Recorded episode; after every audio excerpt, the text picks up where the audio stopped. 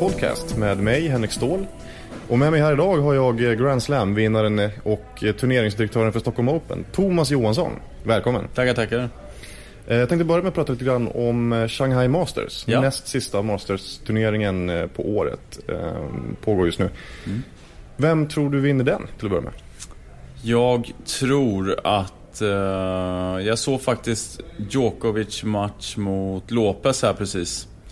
Och jag tror att Novak eh, blir väldigt svårslagen. Han, uh, han, ser, han ser fantastiskt stadig ut nu. Man ser att han är... Det spelar ingen roll om han har breakboll emot sig eller uh, om det blir tight. Han, han ser hela tiden lugn ut på banan. Och, Uh, jag tror han blir, han blir svårslagen helt enkelt. Sen hade han ju en fantastisk vecka förra veckan också. Så att han går in i Shanghai med ett stort självförtroende. Han, är, han känns ju taggad och motiverad på ett helt annat sätt än förra året. Och det är inte konstigt i och för sig. Förra året hade han liksom en helt, en helt fantastisk vår, en helt fantastisk sommar. Mm. Och så dippade lite grann mm. på hösten. Så, här, så att, mm. Men nu känns det som att han är väldigt motiverad på grund av de här finalförlusterna och de här egentligen, ja, tillkortakommandena om man ska säga så. Då. Han pekade ut Franska öppna och han pekade ut OS som eh, sina prioriterade turneringar. Mm. Kom inte riktigt hela vägen där. Nej. Nu eh, finalförlust i US Open och sådär. Så att det känns som att han är oerhört taggad nu. Mm. Eh, väldigt intressant också med, med Roger Federer att han till slut valde att ställa upp i Shanghai Masters. Det var ju väldigt mycket snack där om skulle Federer skippa den. Han gick ut direkt efter US Open och sa att han var, kände sig trött, utmattad, skadad. Han var tvungen att få ordning på liksom, sina prioriteringar. Mm. Och man tolkar lite det som att Federer nu prioriterar att eh, behålla titeln som världsetta åtminstone en vecka till. Så han kan nå den här drömgränsen 300 veckor totalt som världsetta. Ja. Och kanske avsluta året som världsetta också. Jag, jag, tror att, är, jag, jag, vet att det, det, är hans, eh, det är hans stora mål men, men samtidigt så tror jag det blir svårt. Han har ju konkur konkurrens från både Murray och men framförallt från Djokovic. Mm. Som dessutom leder på säsongsrankingen också med nästan fem, 1500 poäng. Ja, och sen så jag, jag, tror personligen att det hände någonting med, eh, med Roger i, eh, i OS.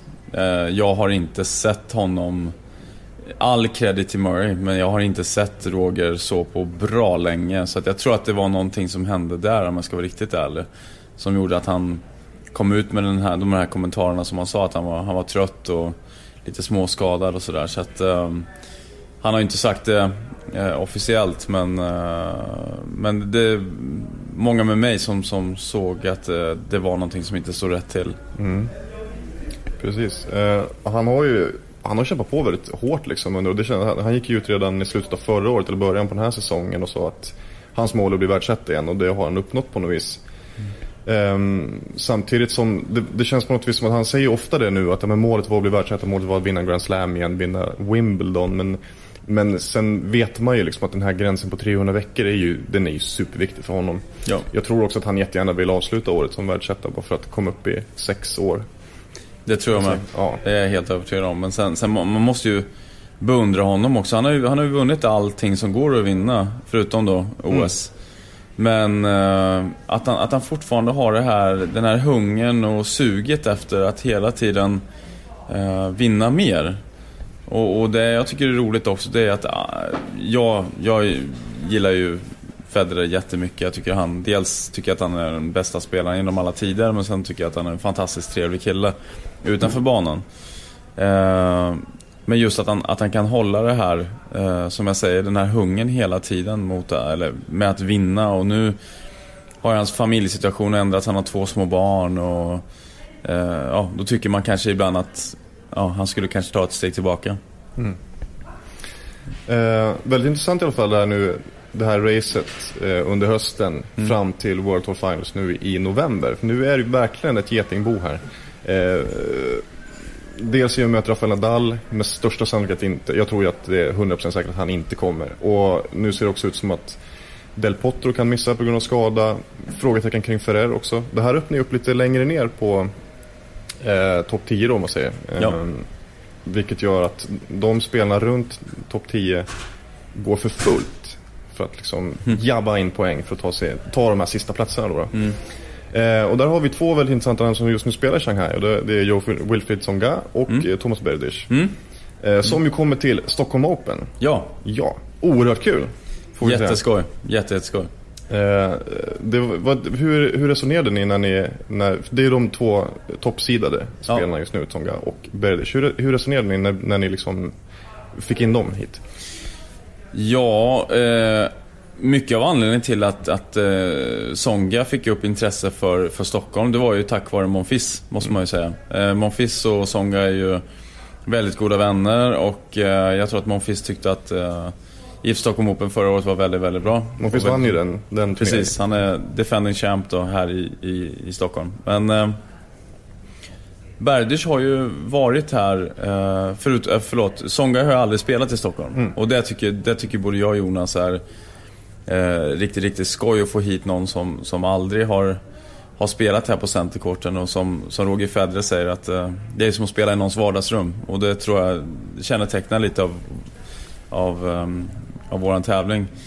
Eh, Berdych har ju varit här några gånger. Har aldrig riktigt eh, presterat, tycker inte vi, med tanke på att han är en så fantastiskt bra spelare. Men nu så ser han ju väldigt stark ut och det här underlaget som, som vi har nu i Kungliga hallen, det, det passar honom som handsken. Eh, lagom speed och han kommer hela tiden få, få, få tid att svinga. Så att, eh, det är de två klart starkaste spelarna vi har i, i startfältet i år. Men sen var vi inne på lite det här med Masters-slutspelet i London och att det eventuellt kommer skador. Eh, eller Nadal kommer ju med all säkerhet vara borta, Del Potro är ett frågetecken och Ferrer är väl också lite frågetecken. Och det gör ju att eh, vi fick en, en förfrågan av eh, Nicolas Almagro här eh, för några veckor sedan och frågade om ett wildcard. Och just då var han rankad 10 eh, i världen. Och det tycker jag, det är vi ju väldigt stolta och glada för att, att en kille som ligger bland de 10 bästa eh, mejlar mig och Jonas och frågar om ett wildcard. Liksom. Då, då tycker jag att då har man lyckats ganska bra med tävlingen. Mm, verkligen. Och eh, det är extra kul med, med just Berdych till exempel som egentligen har tagit sig ur en ganska djup formsvacka får man säga under våren och sommaren. Gick inte alls bra för honom efter den här finalförlusten mot Federer i Madrid Masters. Eh, har haft väldigt, väldigt tungt efter det och nu äntligen kommit tillbaka. Mm. Eh, och även eh, Songa har också haft det ganska tungt. Också nu verkligen på väg, på väg så som en spikrak kurva uppåt. Mm. Och sen just nu också att det här, är, det här kommer ju faktiskt bli en viktig turnering för båda de här spelarna. Egentligen för alla de här spelarna. Ja. Även för Almagro som, som också... Nu försvårades det ju lite för honom. Det blev lite, lite svårare för honom att ta sig till slutspelen i och med att han åkte ut så tidigt i Shanghai. Första omgången. Men eh, men det är fortfarande så att det här är ju poäng som är livsviktiga ja. Eh, för den här slutspelsstriden så att säga. Och det är både, man kan säga det är både fördel och nackdel med att, att ligga under den perioden som vi gör med IF Stockholm Open. Det är att eh, idag har vi då, eller upp till idag har vi drabbats av fem stycken avhopp och det beror ju på att det är många under den här perioden som är både eh, lite speltrötta men också kanske skadade. Ska vi dra dem lite snabbt, vilka det är som Ja, har... det är ju då Nicolas eh, Mahut och eh, Santiago Giraldo som båda tydligen har drabbats av ganska allvarliga skador. Jag tror att Giraldo fick åka in akut på en operation här i Asien. Jag vet inte riktigt vad det var som hände där, om det var ljumsken eller vad det var som, som eh, pajade. Men sen så har vi då de här två ungtupparna som jag säger, Bernard Tomic och Grigor Dimitrov som båda har... Eh, Tomic har hoppat av på grund av personliga skäl. Mm. Dimitrov har hoppat av på grund av skada. Och sen fick vi då tyvärr ett återbud från Nalbandian också som inte har återhämtat sig efter skadan han hade i US Open då. Mm. Så att eh, det, det, är lite synd, men samtidigt så ser ju både jag, Jonas och hela organisationen det som en möjlighet också att kunna, och kunna, som du säger, knipa de här killarna som verkligen letar efter en slutspelsplats i, i London.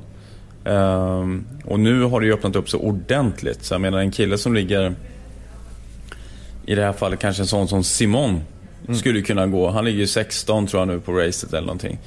Så det är ett jäkla getingbo där bakom och, och och där ser vi en möjlighet att kunna få, få hit de här killarna som, som tampas om en, om en slutspelsplats. Precis, vi har Raonic också som ligger på 13-14 tror jag. Mm, 12, där... 12 tror jag han ligger nu. 12 han ja. ja, just det, det, blir, det är efter finalen där ja. Mm. Richard Gasquet också, mm. mm. upp.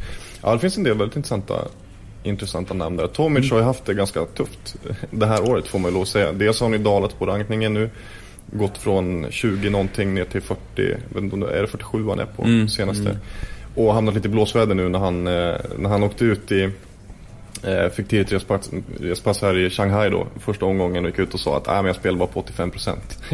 eh, jag tror naturligtvis att han menar bara liksom att, han, att han har problem liksom med den mentala biten av spelet. Jag tror inte att han menar att han liksom la sig platt med flit. Utan så, men det, det, det skapar en hel del eh, ja, det blir ju en del rubriker kring ja. det där. Särskilt med tanke på att han har varit inblandad i lite sådana där sådana historier tidigare. Han är en ganska käns känslomässig spelare, Tomic också. Och man såg, jag såg hans match nu i Asien och man, man ser på honom att han, han, tycker inte tennis är så speciellt roligt nu. Nej, uh, och då är det bättre att man gör så som han gör. Att man, man, man, tar några veckor ledigt och försöker hitta det här suget igen. För det finns ingen mening med att åka runt och bara spela för, för spelandets skull. Utan du måste hela tiden vara sugen och du måste vilja kunna göra bra resultat eh, från det. Men man såg ju som jag sa att han, han är ju inte alls på humör. Nej. Så att jag, jag kände, jag, jag, jag väntar nästan bara på det där mejlet som, som kom då mm. Eh, senare på kvällen. Man hoppas ju att han hittar, att han hittar tillbaka till,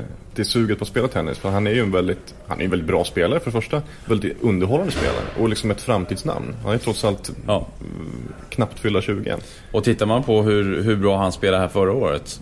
Han skulle ju faktiskt ha tagit bort Monfils. Eh, det var ju ett feldomslut där som, som, som vände ganska mycket av matchen. Eh, och Tomic spelar ju lurigt alltså. Han har ju ungefär samma forehand som, som Jonas Björkman och det vet man ju att den, den är ju lurig även om den kanske inte var Jonas eller Tomics bästa slag men den, den kommer äckligt eller vad man säger på tennisspråk i luften då.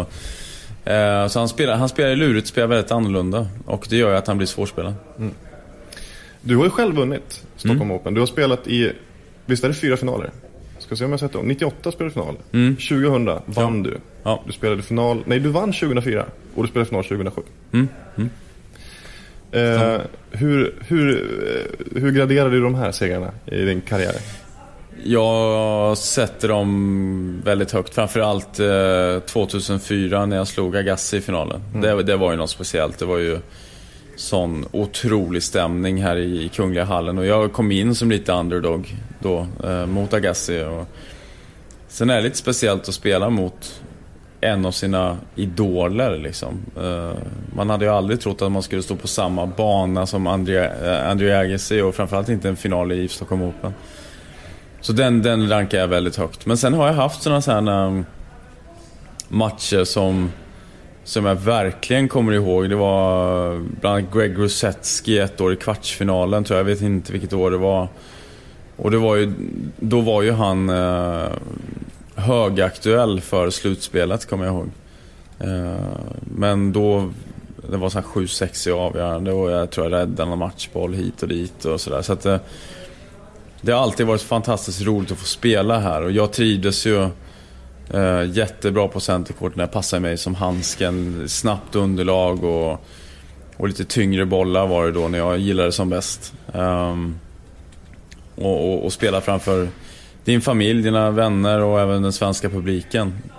Men sen ibland kunde det låsa sig lite också för man, man vill ju... Vi har ju trots allt bara två tillfällen i, i Sverige då om man bortser från Davis Cup och visa sig för hemmapubliken och då vill man ju visa sig från sin bästa sida. Och det gjorde man väl kanske inte alla gånger men eh, man, man, försökte, man försökte ju så gott man kunde. Men som jag sa, Stockholm, Stockholm Open var en av mina favorittävlingar. Mm. Du var lite underdog även när du tog din, din Grand Slam-titel i Australiska öppna. Mm. För exakt tio år sedan. Ja, nu är det tio och ett halvt år sedan. Ja. Men i år i alla fall. För 2002 var det mm. Hur firade du jubileet? Jag firade med, först så efter, efter finalen så var det ju massor med press och sånt där som man var tvungen att göra. Och dopingkontroll tror jag, kommer jag ihåg också. Eh, men sen efter det så gick vi ut, ehm, min tränare, min fru och eh, några kompisar och tog en lugn middag. Och bara försökte njuta av, av segern. Men sen då, efter det så skulle vi, hade jag bestämt med de svenska fansen som hade stöttat mig under de här två veckorna.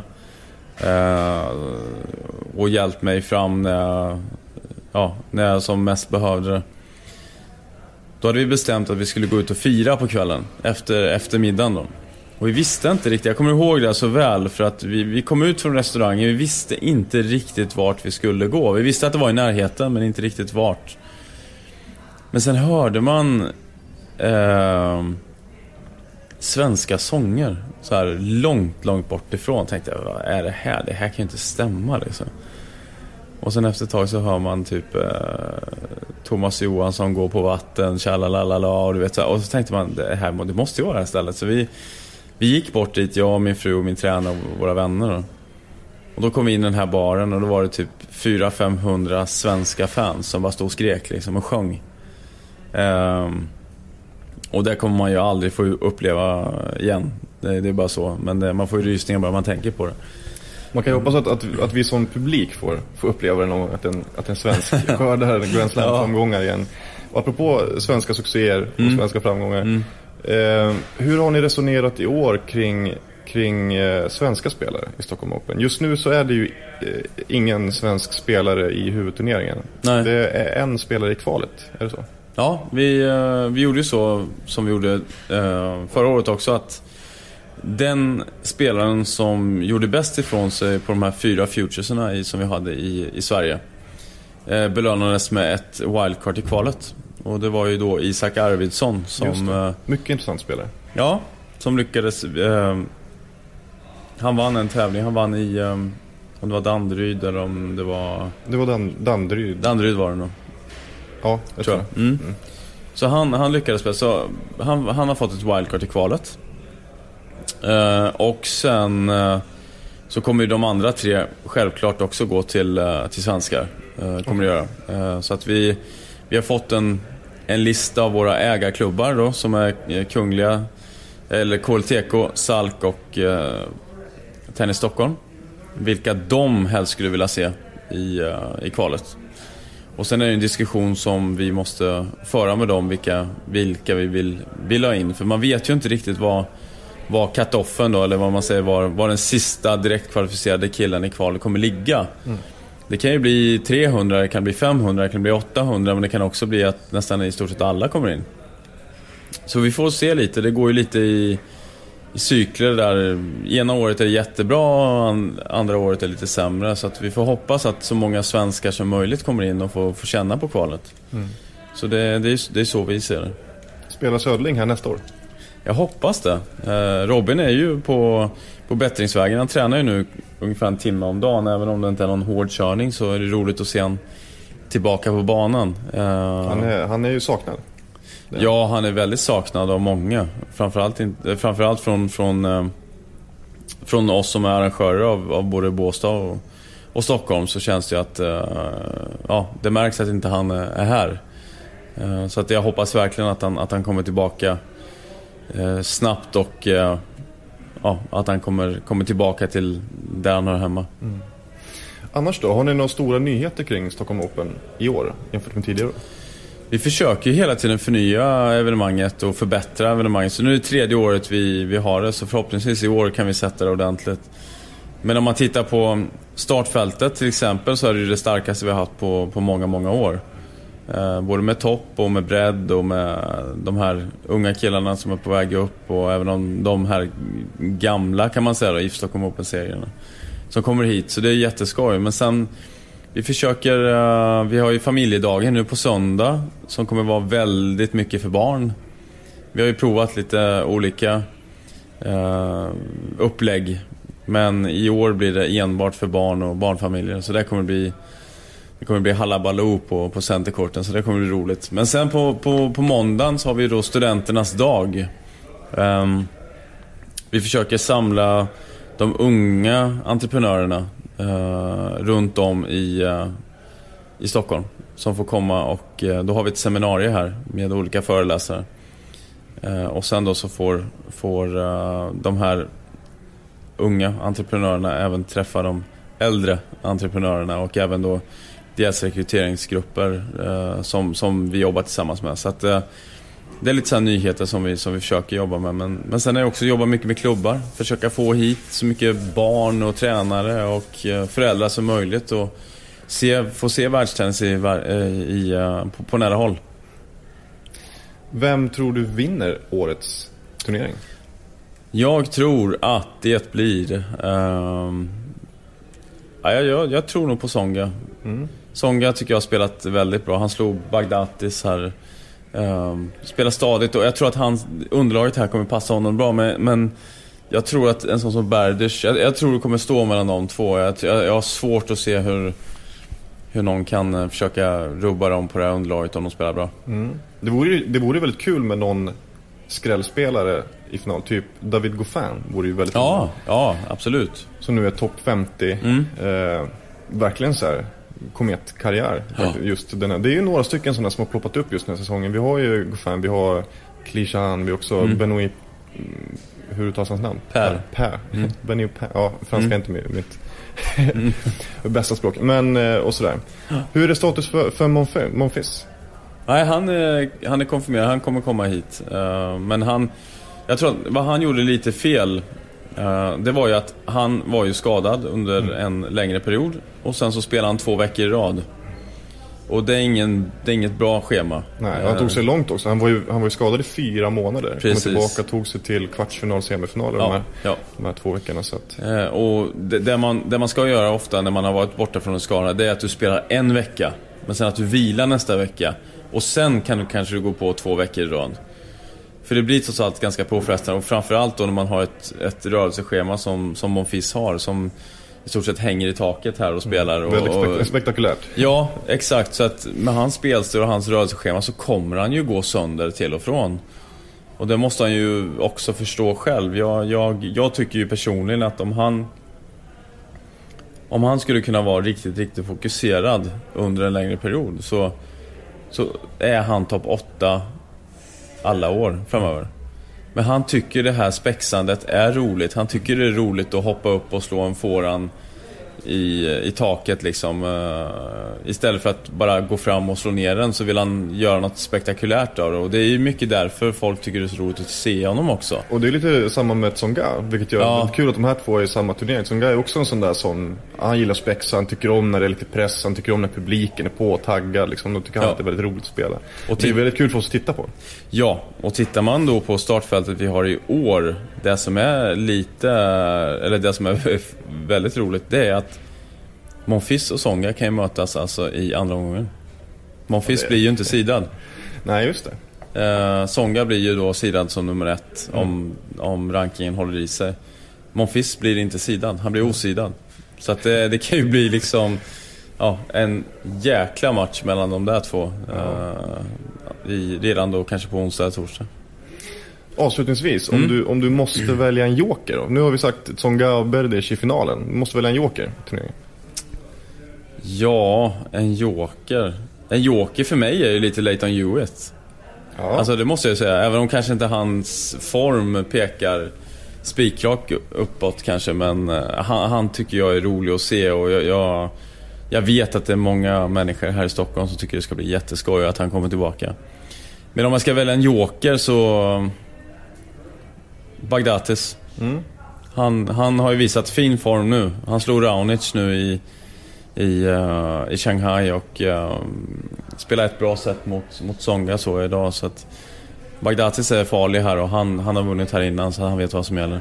Precis. Sen, jag skulle vilja lyfta fram Jarkko Nieminen också. Mm, Man liksom aldrig kan, kan räkna ut, särskilt inte i Stockholm Open. Nej, Nej men han är ju nästan som en svensk. Det, det, märker man ju på när, när han spelar här. Alla älskar honom och han, det här är ju hans favorittävling. Så det är ju jätteskoj att han, att han hela tiden kommer tillbaka. Ja. Jag tror också någonstans att det står mellan, alltså att, kanske inte att Songa och Berdych möts i finalen, men någon av dem borde ta hem hela turneringen. Det tror jag, ja. Sen skulle jag nog vilja varna till den faktiskt för Almagro. Nu har han haft lite sviktande form och sådär. Mm. Men att han väljer att komma hit nu, det tycker jag ändå visar på att han är väldigt motiverad. Ja.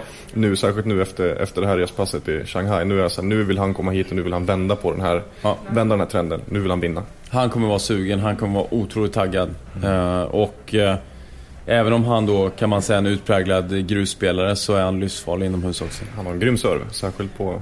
Ja, ja det är över, fruktansvärd serve har han ja. faktiskt. Han har nog en av de absolut bästa kickservarna på touren. Han ligger, han ligger trea på mm. mest slagna S. Ja. Service, mm. tror jag. jag tror det är trea han ligger eh, på säsongen. Ja, ja mm. så. Men eh, då tackar vi för oss. Tackar, tackar.